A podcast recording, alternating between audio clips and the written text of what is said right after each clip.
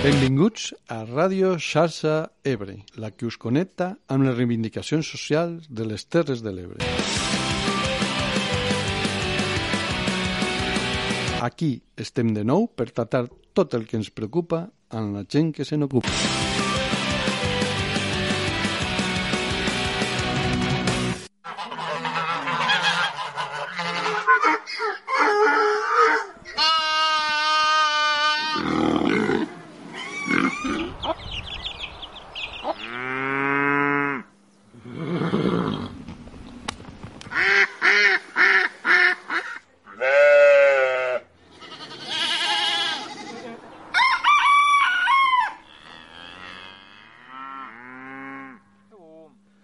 Fem a l'ésser humà a la nostra imatge i semblança, que tingui domini sobre els peixos de la mar i sobre les aus del cel, sobre els animals domèstics, sobre els animals salvatges i sobre tots els rèptils que s'arrosseguen per terra.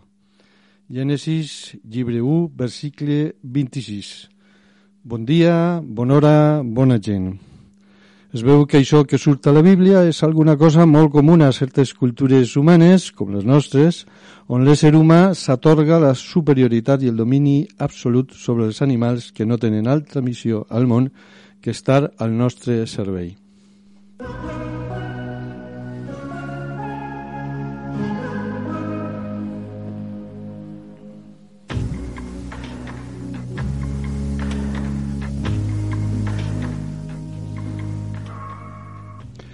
On ens ha portat a entendre així la nostra relació amb els animals, aquesta mena de prepotència? Eixe domini se n'anava a aturar en les fronteres de l'espècie? Bastava considerar els altres com infrahumans, com van fer els tussis en els hutus, per exemple, o en permanent minoria d'edat, com els conquistadors ibèrics en els indis americans, per ja tenir legitimitat per aquest domini, per no parlar de l'esclavatge i de tota mena de crims massius que jalonen la història de la humanitat. Es veu que a imatge i semblança de Déu no n'eren més que uns quants, uns pocs.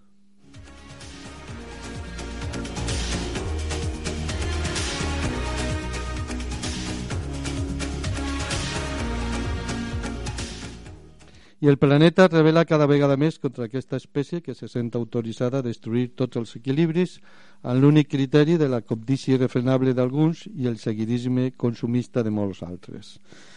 Afortunadament, hi ha reaccions cada vegada més fortes a tot això, també dins de la nostra mateixa espècie.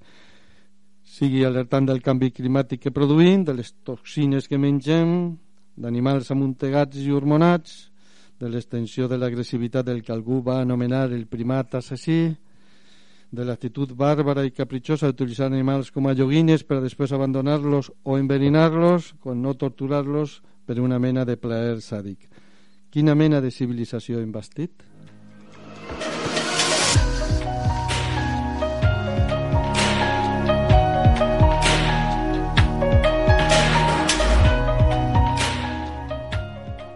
Doncs de tot això parlarem amb els nostres convidats d'avui del territori, però abans, com sempre procurem fer, us presentarem el context amb l'ajut de fragments d'alguna entrevista. En aquest cas es tracta d'Aida Cascón, d'Ànima Naturales.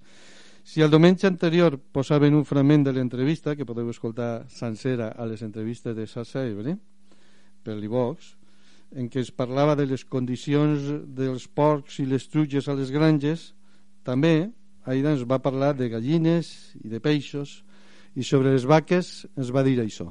En el cas de les vaques i de les vedelles la situació tampoc és que millori gaire. Potser ens estem imaginant la típica imatge mm, bucòlica de la vaca pastant pel camp i això ja no és així. Això ja no és així. La major part de les vaques lleteres mm, estan també confinades amb naus industrials i no tenen pastures mm, evidentment existeix la cria ecològica i on es compleix diguéssim, els requisits de benestar animal però són molt poques explotacions realment a, a nivell d'Espanya la major part, més del 90% de les explotacions ramaderes tant de vaques com de porcí com de viram són eh, naus, de, naus de, de cria industrial, de ramaderia industrial on és impossible garantir el, el benestar dels animals no?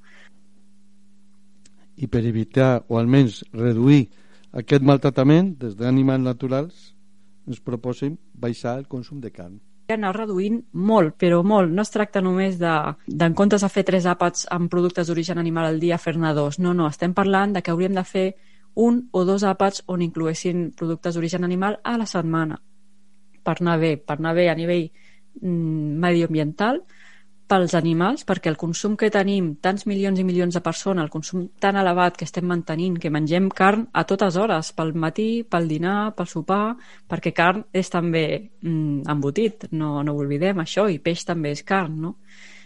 Llavors estem tenint un consum que els nostres avantpassats, bueno, avantpassats, els nostres avis o besavis no tenien el consum que estem tenint ara. És molt exagerat, no?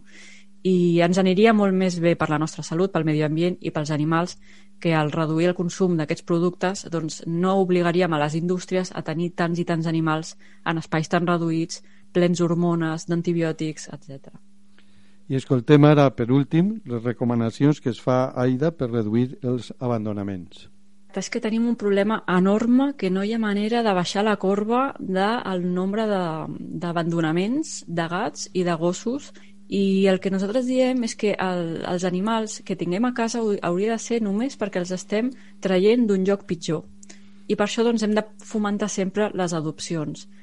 Un animal, per molta pena que ens, eh, molta llàstima que ens faci quan el veiem allà en una botiga a la vitrina, que està sol i que és un cadell i que ens fa llàstima, a vegades és un error comprar-lo perquè automàticament la botiga comprarà un altre i un altre i un altre i no només per no promoure el negoci de la compra i venda d'animals, sinó també doncs, per donar-li una oportunitat a aquell animal que ha sigut abandonat. Abans de tenir un animal, doncs mirar tot això, tot, tots els gastos que poden implicar i sempre, sempre adoptar, perquè a més a més a les protectores el que està molt bé és que tu vas i expliques quina és la, seva, la teva situació, no? Doncs mira, visc sola, o tinc fills, fills petits, o tinc una, un gat a casa, o tinc un altre gos, tinc jardí, no tinc jardí, sóc una persona que està molt de temps a casa o, o sempre estic fora. Llavors la protectora et recomana eh, t'assessora de quin animal va bé, no? perquè hi ha gossos que potser no els agraden als nens, o hi ha gossos que es porten molt bé amb els gats, llavors ja et, et dirigeix, et, bueno, t'aconsellen de quin és el tipus d'animal que, que convé pel teu estil de vida, no? Per això, I en canvi, si tu compres un, un cadell, és una sorpresa. A part de tots els problemes que ja hem comentat, és una sorpresa el que et portarà, tant a nivell de caràcter, potser serà un gos molt energètic i tu potser ets una persona gran i no estàs per fer eh, 3 hores cada dia passejant per la muntanya, o, eh, o potser té problemes de comportament i, i, no ten, i, i no tens potser el poder econòmic per eh, contractar un etòleg, que, un entrenador caní, no? un educador, perquè t'ensenyi a com, com eh, fer que aquest gos pugui estar bé en societat, perquè hi ha animals doncs, que tenen alguns problemes. Doncs fins aquí el que ens diuen des d'Anima Naturalis. Us deixem ara uns minuts amb Saig i el seu rap contra el maltrato animal i a la tornada us presentarem i debatrem de tot això en les persones convidades. Ja sabeu que si entreu a sarsaebre.net des de l'ordinador o el mòbil, trobareu a sota del reproductor el xat per poder-nos comentar o adreçar preguntes a les persones que participen avui al programa.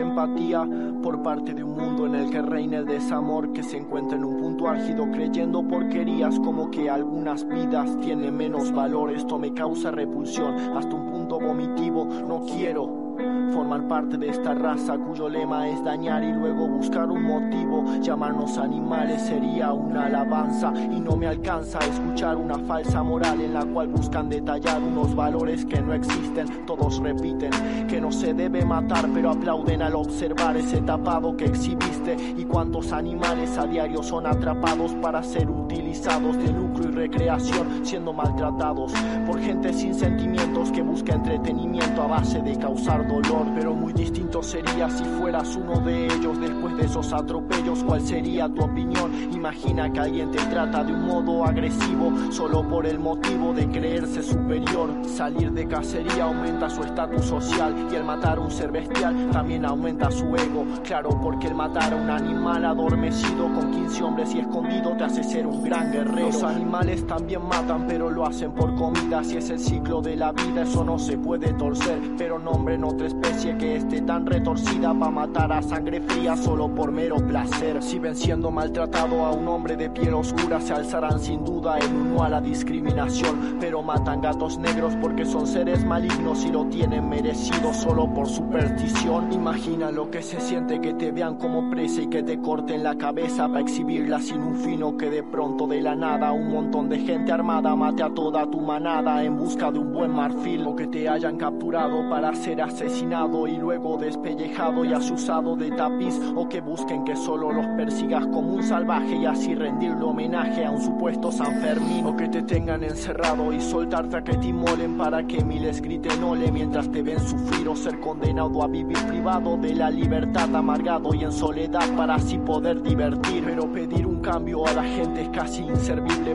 todos son insensibles hasta entre ellos mismos. Si cruzan a un hombre tirado muriendo de hambre como un perro en la calle lo ignoran sin motivo. Es que si nombrara los casos de lesa humanidad como de maltrato animal esta canción no tendría fin y como esperan buenos frutos de nuevas generaciones si por nuestras acciones se ha podrido la raíz entonces se refugian en una falsa moral si repudian la crueldad, pero cuando les parece. No estoy pidiendo que los pongan sobre un pedestal, solo que les sepan dar la dignidad que se merecen. Entre animales y personas no existe comparación y es una diferenciación que hay que saber marcarla. Los animales les son fieles a su naturaleza, nosotros a diferencia buscamos degenerarla. Con el tiempo nos convertimos en seres egoístas, toda cosa es indistinta mientras no nos beneficie, sumidos en un sueño de total impunidad, solo importa mejorar sin importar a quién se pise. Los animales dan la vida por su círculo cercano, ya que por todos sus hermanos morirían con honor. En cambio, nosotros solo nos ignoramos, más que seres humanos,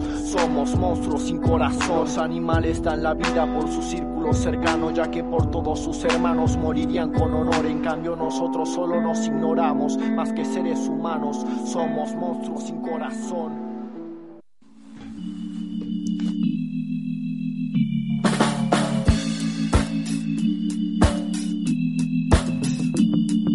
Esteu escoltant Xarxa Ebre, la que parla del que ens preocupa amb la gent que se n'ocupa. Ha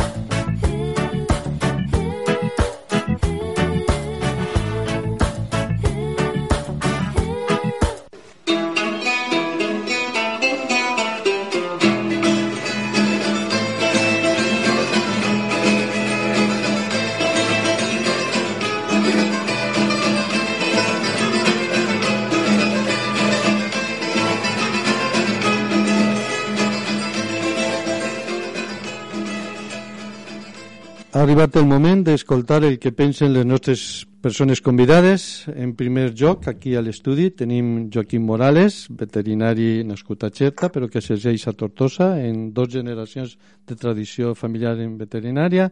Bon dia, Joaquim, gràcies per venir. Hola, bon dia, gràcies a vosaltres. També tenim a Núria Espanya, d'Engrescades, d'Amposta, eh, però que avui es comunica a nosaltres telemàticament des de Vilanova i la Geltrú. Bon dia, Núria. Hola, bon... gràcies, bon dia. Gràcies per participar. I també tenim a Cristina Pedret, de ramaderes.cat, que està connectada també telemàticament des de Mora d'Ebre. Hola, Cristina, gràcies per participar. Hola, bon dia. Molt bé. Gràcies a vosaltres. A tu, a tu. Comencem per tu, Joaquín. Joaquín. Eh, com, com a veterinari, tu què ens podries dir de, la, de com hauria de millorar la nostra relació com a societat amb els animals? Bueno, més que com a veterinari ja com a persona, penso que la, els humans han modificat la naturalesa com cap altra espècie a la història i, i de moment ho han fet molt malament. Llavors, eh, tenim la capacitat de, de poder canviar el nostre entorn, lo, aquest planeta, i com tenim la capacitat de fer-ho la responsabilitat és de fer-ho bé llavors eh, això passa per eh, millorar com estan les nostres aigües, els rius, els mars, també l'aire, la terra i també qui habita en este planeta, els animals. Uh -huh. Gràcies, Joaquín. Tu, Cristina, podries fer-nos cinc cèntims de què és això de ramaderes.cat i com has anat a parar tu a ser pastora i formar part d'aquesta associació? Sí, nosaltres, bueno, la Ramaderes.cat és un col·lectiu de dones pastores que ens, ens, ens recolzem, ens ajudem, compartim opinions, vivències que tenim al dia a dia i que intentem ser visibilitzades, ser visibilitzades en aquest sector. Mirem sobretot pel benestar dels nostres animals i estimem molt la natura. I bueno, doncs vaig, vaig fer cap a, aquí a Ramaderes perquè em semblava interessant i necessari un recolzament cap a, cap a mi ja que a la zona on estic doncs, no puc compartir aquestes vivències perquè no, no trobo gent que treballa del sector com jo, dones que treballen, que treballen com jo com a ramaderes, i llavors pues, això eh, m'ajuda molt al meu dia a dia, ja que guanyo experiència i, i aprenc molt en, en elles. Mm, gràcies, Cristina. I bé, Núria, explica'ns tu què és això d'engrescades, quina és la tasca que feu i els reptes que teniu. Bueno, nosaltres som una associació d'animals que ens dediquem a la recollida dels gossos i gats del Montsià, de, del canal, a Ràpid, Amposta, i una mica la nostra missió és eh, donar-los una bona vida a aquests animals, recuperar-los, trobar-los una bona família i, i bueno, en això estem. Eh, també una mica de xarxa de conscienciació social de que els animals pues, no són eh, només unes mascotes, sinó que pateixen, que sofreixen i que les segones oportunitats són superbones i, i estem en això, en, en educar, sensibilitzar i donar-los una nova vida a aquestes mascotes abandonades al nostre territori. Molt bé, gràcies Núria. Presentades les tres persones que ens acompanyen, ara posem una mica de música en So 21 i la seva no, no tot és tan bonic com sembla en referència als zoològics i tornarem per fer el debat sobre com tractem els animals.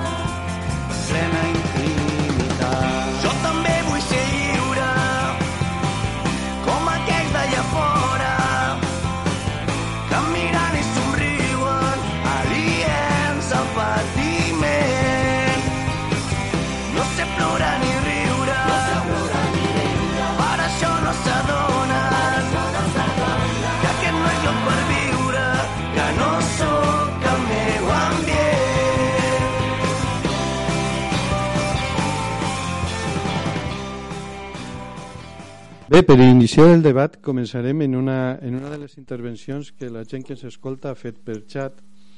Eh, la nostra companya i col·laboradora Fanny ens diu si precisament no penseu que està haguent per part de l'espècie humana una certa supèrbia, diguem-ne, no? Què, què en penseu? Algú s'anima a contestar a, a aquesta pregunta? Tal vegada tu, Joaquín? Com ho veus? Bueno, el que havia dit a, a la introducció mmm, potser se podria entendre com una supèrbia. Jo crec que hem de manipular la, la naturalesa però ho hem de fer bé. Llavors, si, si crec que podem controlar-los eh, i això es considera superb, llavors accepto aquesta supèrbia però el que, el que hem de fer és com he dit fer-ho bé mm, per exemple eh, amb els gossos si els tenim per a eh, per a tindre baralles de gossos o per, a, per anar a caçar per divertiment o, o per motius així pues no em sembla bé en, en canvi tindré un animal, un gos com a, com a mascota, donar-li eh, tot el que necessita, eh, donar-li el millor menjar, el, portar-lo al veterinari quan, quan és necessari. Pues això és controlar eh, els animals i, i és fer-ho bé. Eh, Núria Cristina, voleu afegir alguna cosa sobre això? Jo crec que sí que nosaltres ens pensem que som superiors i que los, los tenim teledirigits cap al nostre, com, sobretot els gossos i els gats, que de fet els fem conviure en nosaltres, que està superbé, però també els han creat nosaltres. La majoria de races de gossos estan creades per l'home, uh, per a les nostres necessitats, i ja que ho han fet, ja que les nostres hem, hem creat aquestes races, els hem domesticat, eh, el mínim que, que es mereixen és tractar-los bé.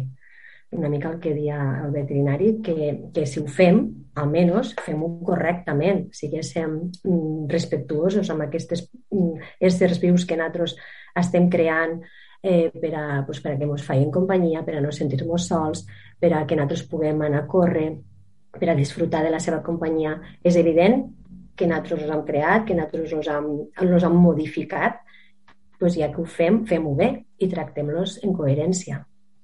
I tu, Cristina, afegiries alguna coseta sobre això?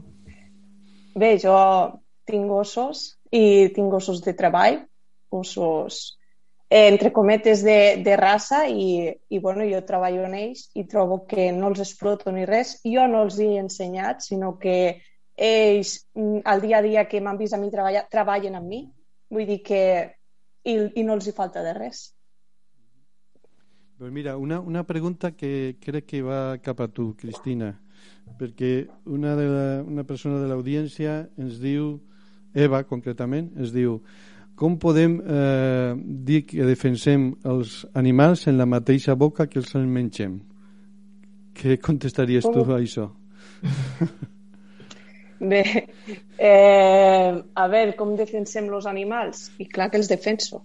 És que els he de defensar perquè eh, jo, per exemple, ara, ara mateix eh, estic embarassada i a mi cap metge m'ha dit eh, evita menjar animal. Llavors, eh, a mi el primer que em diu un metge és que hi he de menjar i he de tindre consum d'això. Llavors ho necessitem i per necessitar eh, doncs llavors hem de, hem de treballar no? no sé, ho necessitem. El nostre, el nostre organisme està fet per això, vull dir, necessitem menjar i necessitem la gent que se'n cuida d'això. Eh, Corregeix-me si, si el que dic no, no és exactament el que penseu a Ramaders Espuncat, però la vostra opció és, diguem no tindre els animals amuntegats, com els tenen les granges, mm. sinó que almenys sí. tinguin una vida més, na més natural, diguem més, sí. més digna, més adequada a les seues característiques. Sí, sí. sobretot pues, lluitem per, per la gent aquesta que sol comprar les grans superfícies, eh, necessitem que, que es conegui el producte de proximitat, perquè així si es coneix el producte de proximitat, doncs saps mm, darrere d'aquest producte el que, el que hi ha, el treball, el treball que, que hi ha, eh, saps com estan cuidats els animals. Nosaltres, les, ramaderes, treballem en, en extensió, els animals estan contínuament cada dia en contacte amb la natura Llavors, és una manera de, de treballar, però, però clar, eh, has de conèixer el producte que, que compres, que és el que lluitem nosaltres en això. Conèixer el producte que, que tu compres. Llavors, si coneixes i, i saps d'on ve i, i saps com està tractat i saps com està treballat, pots fer un bon consum. Mm -hmm. Bueno, també hi ha una altra intervenció, esta vegada de, de Marc, que ens diu que si pensem... Bueno, la seva intervenció té relació amb una cosa que ja havíem dit quan parlaven de salut, que va dir Àngels Martínez, és que seguiu el programa, tal vegada ho recordeu, que diu que una societat demostra la seva qualitat per comptat als més fràgils. Marc el que ens diu és la qualitat d'una civilització es podria veure en funció de com tracten els animals. Tu, Núria, com ho veus, això? Sí, nosaltres treballem molt en, en altres països i la diferència és molt, molt brutal per ara. Nosaltres treballem en Holanda, en Suïssa, sobretot en Holanda. Allà no existeixen les protectores, no els hi fan falta. Eh, llavors vol dir que la seva societat està molt més evolucionada eh, que la nostra. Eh, només ja no només a nivell d'animals, sinó a moltíssimes altres coses, però el tema que jo toco, que és els animals, ho veus, allà no hi ha abandonaments, adopten més gossos adults, llavors sí que la societat va molt lligada a les nostres terres, per desgràcia, hi ha fins i tot diferència eh, entre Barcelona i les Terres de l'Ebre, eh, la quantitat d'animals que, que se poden arribar a abandonar, cadells, camades indesitjades, maltractes, eh, nosaltres rebem cada dia, cada dia gossos abandonats i maltractats. Llavors jo crec que sí que és un reflexe de la societat on vivim, la manera que tractem els animals. Tu, Joaquim, voldries afegir alguna cosa això? És... Mm, bueno, respecte al que ha dit la, la Núria, no, més o menys n'estic d'acord, i, i per, lo que, per la primera pregunta jo penso que sí, estic a favor de, de la ramaderia ecològica i extensiva, és a dir, m'agrada més que, que, que l'altra, diguéssim, la més purament industrial o intensiva, però no em sembla una solució a llarg termini, és a dir, a curt termini mm, podem evolucionar cap aquí, mm, fantàstic, però a llarg termini no és una, una gran solució, com deia, perquè eh, té molts contrapunts que per a mi pesen més i, i hi ha alternatives. Bueno, pues ya está, ya está el debat, ya, ara ja tenim debat. Com quines? sí, com quines. Quines alternatives? Pues, eh, el menjar eh, d'origen vegetal. Ah, vale. Bueno, ahí está lo que deia, eh, lo que deia Cristina, que hi ha alguns que pensen, metges per exemple, uh -huh. que, que és convenient prendre proteïnes d'origen animal. Bueno, no ho sé, eh... fins, eh, com, com ho veieu vosaltres? Jo, jo, jo crec que la Aida ho ha dit, que, que està bé menjar car qui vulgui menjar car, que és la seva opció, però és evident que potser ara hi ha un excés, no cal esmorzar car, dinar car i sopar car. Eh, llavors, si fóssim tots una mica més mm, com abans, que la gent menjava de tant en tant, tot això se podria equilibrar amb la proteïna vegetal. No? Cristina, com, com ho veus tu? Que estàs directament al·ludida Sí.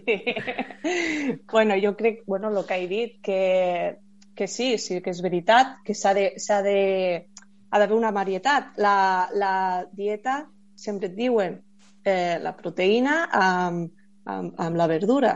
Verdura cuita, verdura crua, però sempre ha d'haver peix, car, ous. Vull dir, sempre ha d'haver això que ho pots, ho pots mm, mirar de... que se pot mirar de ser, de ser vegetal? Sí, però ja dic, eh, a mi, per exemple, com el meu metge no és el que, no és el que m'aconsella i, i vull dir, en el meu cas eh, per exemple, jo tinc una, una familiar que li van treure la melsa i necessita la vitamina B12. La vitamina B12 està sobretot en, en l'origen animal i, i, i ma mare pues, se necessita punxar d'aquesta vitamina cada mes. Però tot és Llavors, un extrem, o sigui, no fa falta ni tant ni tan poc. Vull dir que, Evidentment. No? Ara trobem de tot. A les grans superfícies trobem, trobem de tot. I, i, I no sabem realment el que comprem. Carreguem i no sabem el que comprem. Ni d'on ve ni, ni res, perquè si mos paréssim a, a veure d'on ve, potser la meitat de coses no les menjaríem. De mm. saber eh, d'on ve el producte. Has de, has de, has de, el millor és comprar els productes de proximitat a les botigues de, del poble, a les botigues que coneixes, perquè saps d'on venen i saps el que hi ha darrere, el treball dels, de, dels ramaders, dels pagesos que, que hi ha darrere. Però això implicaria, evidentment, Cristina, que, que la gent reduïgués la quantitat, perquè si no és impossible. Si tothom continuem menjant la car en les mateixes quantitats cara, és impossible que vosaltres donéssiu el servei que estan donant eh, als supers grans. No? S'hauria de reduir la quantitat. Per aquesta manera hi ha les, les explotacions intensives que és el pitjor que pot haver, el millor és una explotació extensiva. Clar. Per això, si potser no, no donéssim tant, tant, tant mm, a tot això industrial, potser hi hauria més explotacions extensives que intensives. Eh, crec que, que la, sobre aquest tema les posicions han quedat clares. No sé si sí, sí han quedat clares, però la gent ja s'ha fet una idea. Ara eh, hi ha dos intervencions més que ens han fet per xat. Eh, Juan Carlos, voldria... Sí, eh, faré l'última primer perquè va lligada al que, estaven, el que estàveu uh -huh. dient ara, que és una qüestió de fons. Com es pot lligar aquesta necessitat de, de reduir el consum de proteïnes que parlàvem ara mateix, que dieu, en la necessitat d'alimentar tota aquesta quantitat de mascotes que la majoria mengen proteïna animal. Parlem, majoria me refereixo a gos, gossos i gats i en general tots tot els que tenim que són carnívors. Mm -hmm. Bueno, respecte a això, eh, eh, pel que fa a les persones, si necessitem menjar proteïna animal o no, això ja ho diran els nutricionistes o els metges, crec que hi ha eh, moltes alternatives i els professionals pues, ja hi haurà de tot, hi haurà gent que t'aconsellarà una cosa i, una, i hi haurà gent que una altra, però respecte als animals sí que puc dir que hi ha moltes espècies animals, com per exemple els gossos i els gats, que sí que necessiten una, una gran quantitat de, de proteïna i que sí que d'origen origen animal, perdó. Eh, llavors, mm, jo estic totalment a favor de que eh, mengen aquest menjar perquè bàsicament ho necessiten. Uh -huh. Nosaltres som els productors d'este menjar, o sigui que tot va lligat una mica la indústria eh, que com més car consumim, o sigui, que, que som nosaltres que ho decidim al final com estan fets els piensos. Mm -hmm. Però potser l'oient que ens ha passat aquest missatge eh, volia com fer palès ahir una certa contradicció, no sé, en el, en el tema aquest, perquè si, si alimentem a les mascotes en proteïnes animals, és que aleshores... no hi ha més remei. Sí, al final... Eh... Però és que ningú està dient que no se menja car eh, doncs, per què hem de negar les nostres mascotes menjar car? Jo crec que esta, és, és una pregunta una mica com trampa. Està clar que els animals mengen car perquè són més, eh, més carnívors que nosaltres i una cosa no porta a l'altra. El consum excessiu de car no vol dir que els animals no puguen menjar car. Però mi. també hauríem, hauríem, segons si segueixo el, el, el millor si està seguint per el xat i pot continuar intervenint, però si segueixo el raonament d'aquesta persona com jo lo interpreto, a lo millor també s'hauria de reduir el consum de, de carn d'estos animals o s'hauria de reduir el número de mascotes, no ho sé. no ho sé, no ho sé com ho veieu, eh? Vosaltres? Jo crec que no té res que veure. Una, la indústria càrnica, com està muntada, en què si les nostres mascotes ne són moltes o si mengen o no mengen car. Jo crec que són dos temes que, que esta persona els ha volgut ajuntar per a que nosaltres tinguéssim debat, però és que els veig completament paral·lels. Mm, jo crec que és insignificatiu. O sigui, no, no, és, no aportaria massa a la indústria càrnica. Bueno, és que mira, pot ser, eh, no sé si l'oient ha escoltat programes anteriors, però per exemple en un programa que parlaven de l'aigua potable, en un programa anterior, que van convidar Álvaro Arasa, que és doctor en geologia i expert en temes d'aigua, ell ens deia, per exemple, al Montsià hi ha dos milions, dos milions d'animals que, clar, consumeixen aigua, en aquest cas parlaven de l'aigua, no? És a dir, si tenim tants d'animals, si tenim tants d'animals, potser tindrem problemes de cara, per exemple, als recursos que pot ser més endavant siguin escassos, com, com l'aigua potable. Entonces, se va quedar clar que eh, d'alguna manera s'havia de reduir això per al consum humà, que ja estem dient que és, és millor, però si reduïm per al consum humà i, de vegada, i, i per altra banda augmentem de cara a les mascotes, pues potser ahí entrem en una...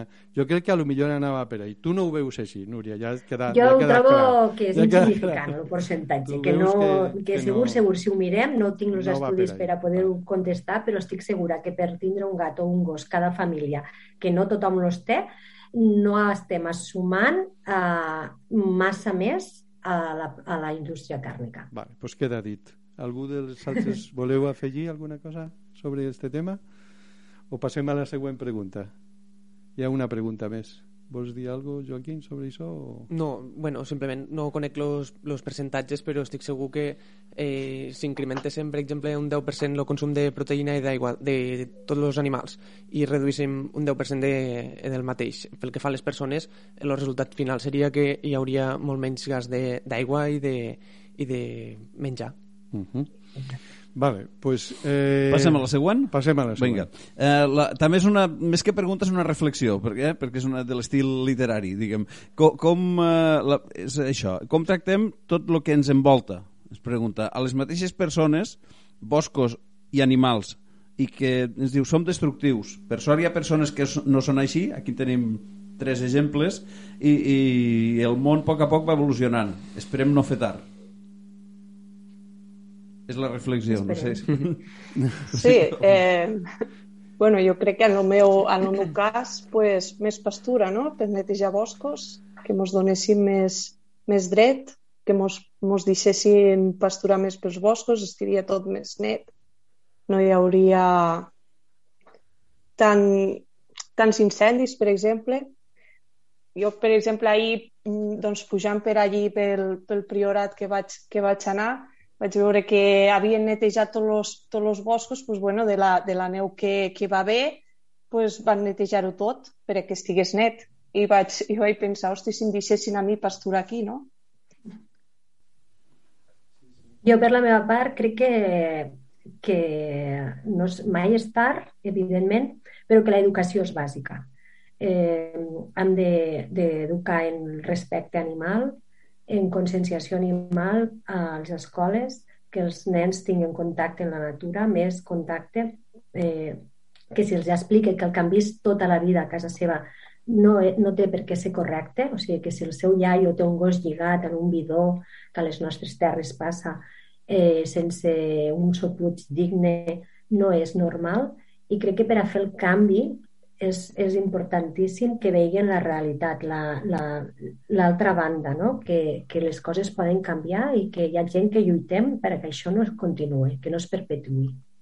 Uh -huh. També fa un comentari Eva, eh, el nostre oient, que diu que si en això del confinament, ella diu en el confinament s'ha notat que els animals han tingut unes condicions una mica millor. Vosaltres podeu confirmar això? Que els animals han estat millor quan els, els humans hem estat confinats com suggereix Eva. Els meus animals han estat igual. Vull dir, han tingut el mateix cada dia el mateix benestar eh, el mateix, totes les necessitats que necessiten cada dia. I en el meu cas ha augmentat moltíssim les adopcions, no només a la nostra protectora, sinó a tota Catalunya, en totes les protectores que he parlat. La gent com que s'ha relaxat, a l'estar més a casa uh, s'ha interessat més per tenir mascotes, gats, gossos, i la majoria de protectores de Catalunya ens hem quedat a la meitat de gossos que tenim. O sigui que sí que hi ha hagut un, una cosa bona, no? La gent s'hi ha dedicat més. I, Joaquín, a la vostra clínica heu notat alguna cosa? Bueno, sí, mm, segurament eh, la gent està, ha estat més a casa en els seus animals, ha pogut veure patologies o signes de que alguna cosa estava malament abans i, i en general bueno, han, han hagut alguns canvis, com per exemple eh, al principi de, del confinament o del desconfinament que no, me, no podien anar a treballar i traien a passejar els seus gossos més i hi havia problemes de, diguéssim, d'agulletes de, de gent que potser abans no traia tant a, seus animals i, i ara començaven a, a treure'ls més. Uh -huh.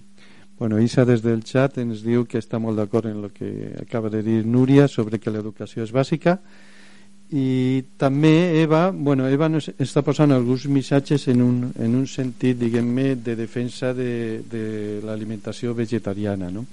que hi ha estudis eh, en relació a lo de la B12 hi ha estudis que demostren sí. que es pot bueno, jo, jo, este és un tema molt controvertit també des del punt de vista científic perquè hi ha estudis que, que van en la línia de dir que en l'alimentació, ara tu Joaquim me podràs dir si que coneixes d'això, però bueno, jo, el que tinc jo al cap que he llegit hi ha estudis que van en aquesta línia, de demostrar que les proteïnes vegetals eh, acaben cobrint tot l'espectre de les necessitats nutricionals, però també jo sé d'estudis que, que de, des d'un punt de vista evolucionista ens venen a dir que precisament la reducció de l'intestí i l'absorció de part de, de l'energia que es dedicava al processament de les proteïnes vegetals eh, i que va passar a, a alimentar el cervell va ser possible en la mesura que els nostres ancestres van començar a menjar carn.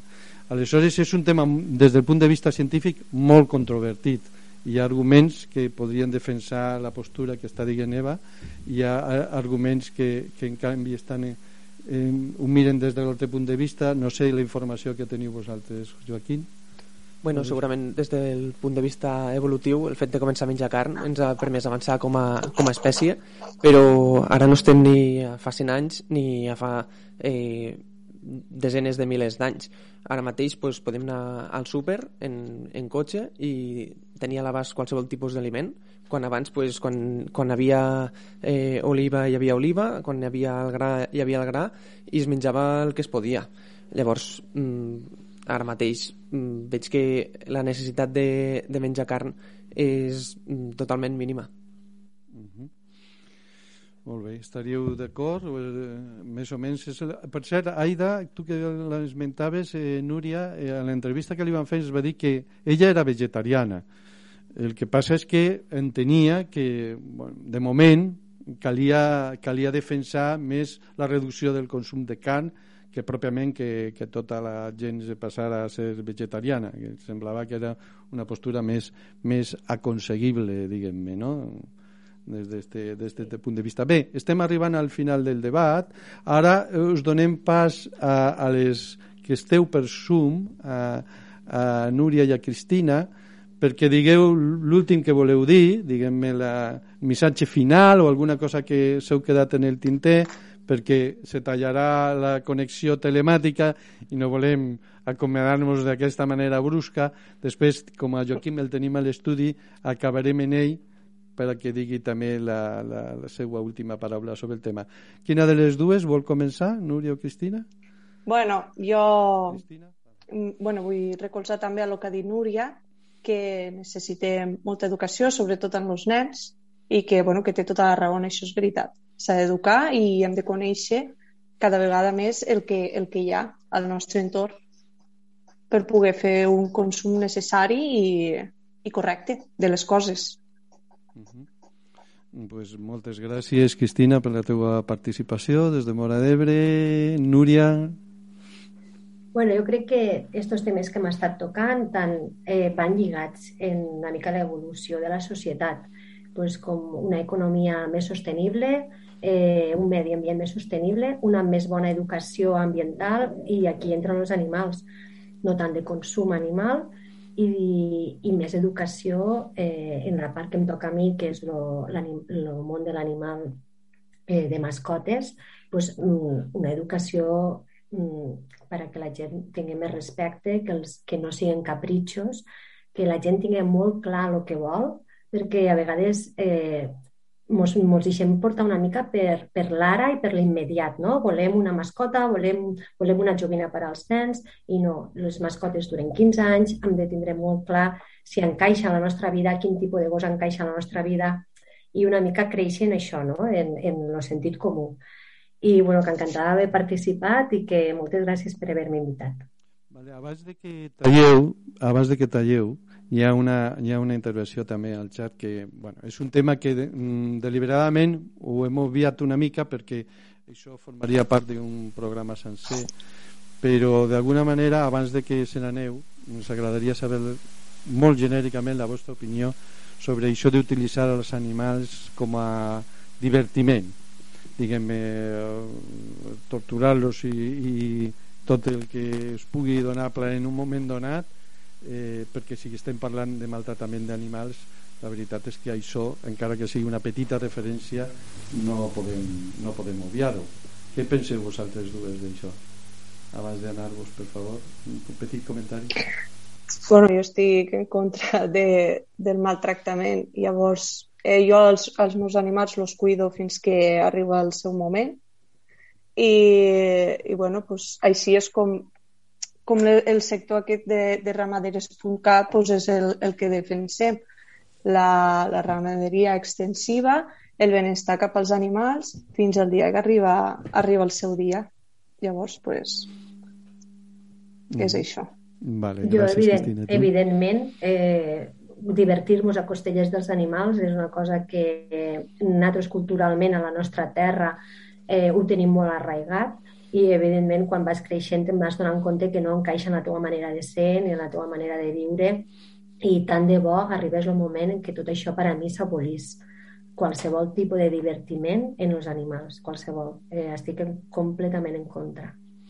Molt bé, ja sé, queda dit. És un tema polèmic, per això no hem volgut tractar-ho directament en aquest programa. Probablement sí. això seria motiu de, de tractar-lo en un altre.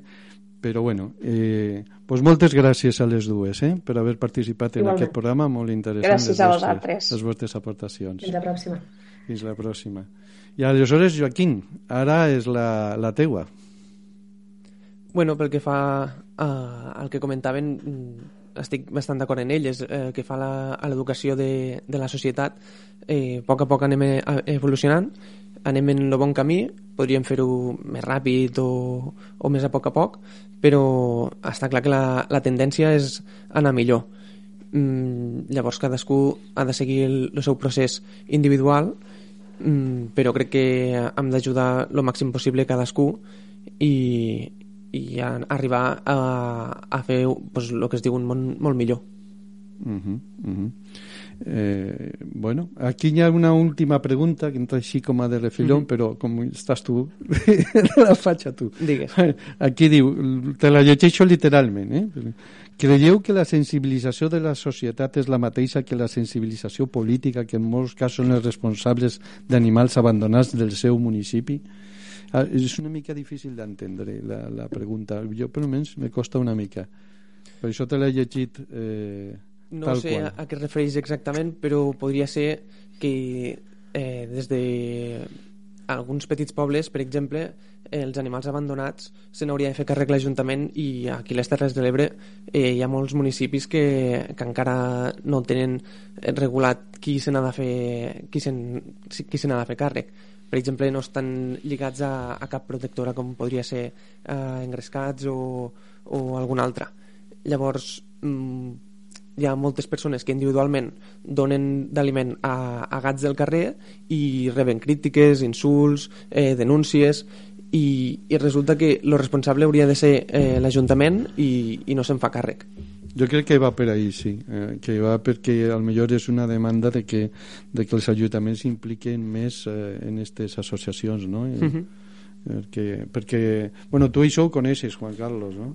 Sí, una, una mica, perquè no fa molt que hem començat també aquí a Ulldecona a, a muntar una associació d'aquest tipus, eh, perquè no teníem res, diguem, de, lo recollien d'una altra manera. Eh, ho, ho deixarem aquí, no, no, no, vull, no vull explicar, però, però jo crec que és necessari, quasi com aquell que diu, a tots els pobles hauria d'haver algun tipus de, de, de sistema mm, homologat i mm, parlat en l'Ajuntament per a fer-se càrrec de tot això. Jo li puc fer una pregunta a, al, Sí, al, això? tenim encara un parell de és, és minuts. ràpida. El que parlàvem de la vitamina B12 abans, Uh -huh.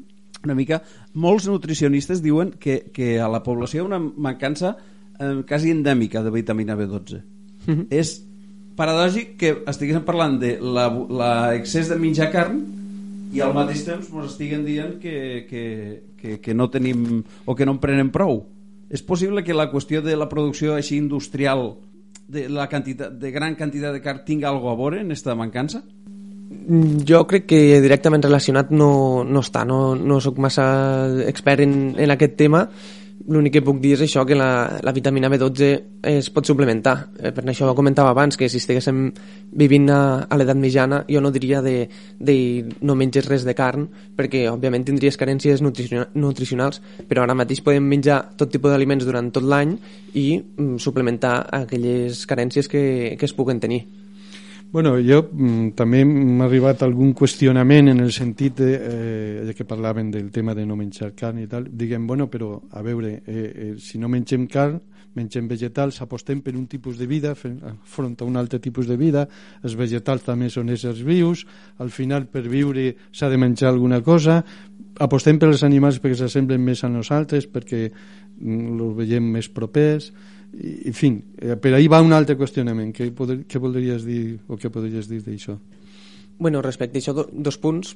Primer, que, que els animals i les plantes són éssers vius, però els animals mm, tenen un sistema nerviós eh, central desenvolupat, bueno, eh, alguns d'ells, almenys els que estic en contra de, de menjar-nos els nosaltres, i aquests poden tenir estrès, poden sofrir, llavors no em sembla ètic eh, menjar-nos-els quan podem tindre una alternativa. En canvi, les plantes necessiten menjar-les i, i no poden tenir aquests sentiments.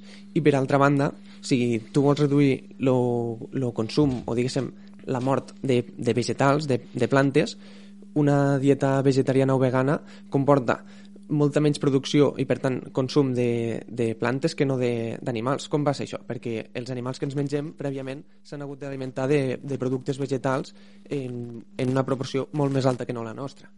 Uh -huh. Molt interessant la teva resposta. Pues, moltes gràcies. Ara ja dic que és un tema que continuaríem parlant molt de temps, però ara us deixem en escape i la seva incisibilitat i tornem per a fer el comiat de programa.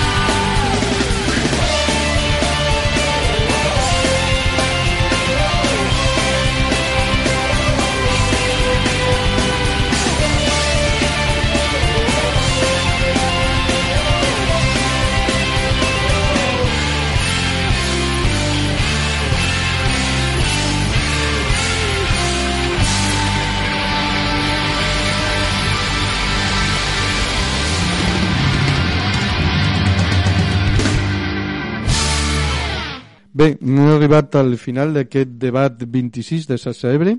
Per la nostra part, volem agrair a Aida Gascon, d'Anima Naturalis, Núria Espanya, d'Engrescades, Cristina Pedret, de Ramaderes.cat, i Joaquín Morales, veterinari a Tortosa, així com als que han participat pel xat, eh, Eva, Isa, Marc, Fanny, i, i més gent que han aparegut com, com anònims, no? De la part de l'equip de Sarsa Ebre, de Juan Carlos Fibla i de mi mateix, Vicent Prunyonosa. El proper debat serà el 18 d'abril sobre el que entenem per ciència i les seues repercussions socials i contarem en, en la gent de cienciaflora.org i també en gent especialista en biomedicina eh, i en, per cert, eh, també una d'elles eh, que treballa en el tema d'immunologia i de les vacunes. Així que també serà interessant poder-li fer preguntes sobre aquest tema. Treballa a Oxford en això i l'altra persona treballa en biomedicina als Estats Units i després la gent que vindrà són d'aquí del territori. Aquestes noies de cienciaflora.org. A salsaebre.net tindreu tota la informació, tant de les remissions com per escoltar, escoltar programes que us heu perdut o per participar pel xat en directe o si ja esteu fora de l'horari del programa a través del telèfon 698 39 30 63 698 39 30 63 ens podeu deixar comentaris, suggeriments i si us subscriviu a l'iVox tindreu un missatge de correu electrònic que us avisa de cada cosa que fem nova. Així que, que pensem que, que és molt interessant que ho feu. No costa res, no hi ha que pagar res simplement donar el botonet de subscriure's a l'iVox buscant per Ebre tot junt i nosaltres estarem tots els diumenges, cada que fem un debat al mes, tots els diumenges us acompanyem en comentaris d'actualitat, en aportacions, si alguna persona, per exemple, ara, de resultes d'aquest programa, vol dir alguna cosa més i ens la envia pel WhatsApp o pel Telegram del número que us acabo de dir, doncs nosaltres això ho utilitzarem diumenge vinent. Igual que harem una preparació, una presentació del programa de ciència que ara us anava a comentar i més notícies d'actualitat del territori. Vinga, us esperem. Fins diumenge proper a Sassebre. Salut!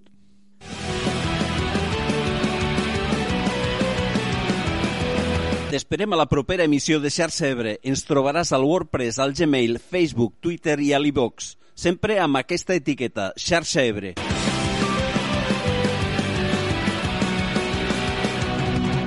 No oblides subscriure't, sabràs les dates i els convidats dels propers programes. Fins aviat, seguim fent xarxa.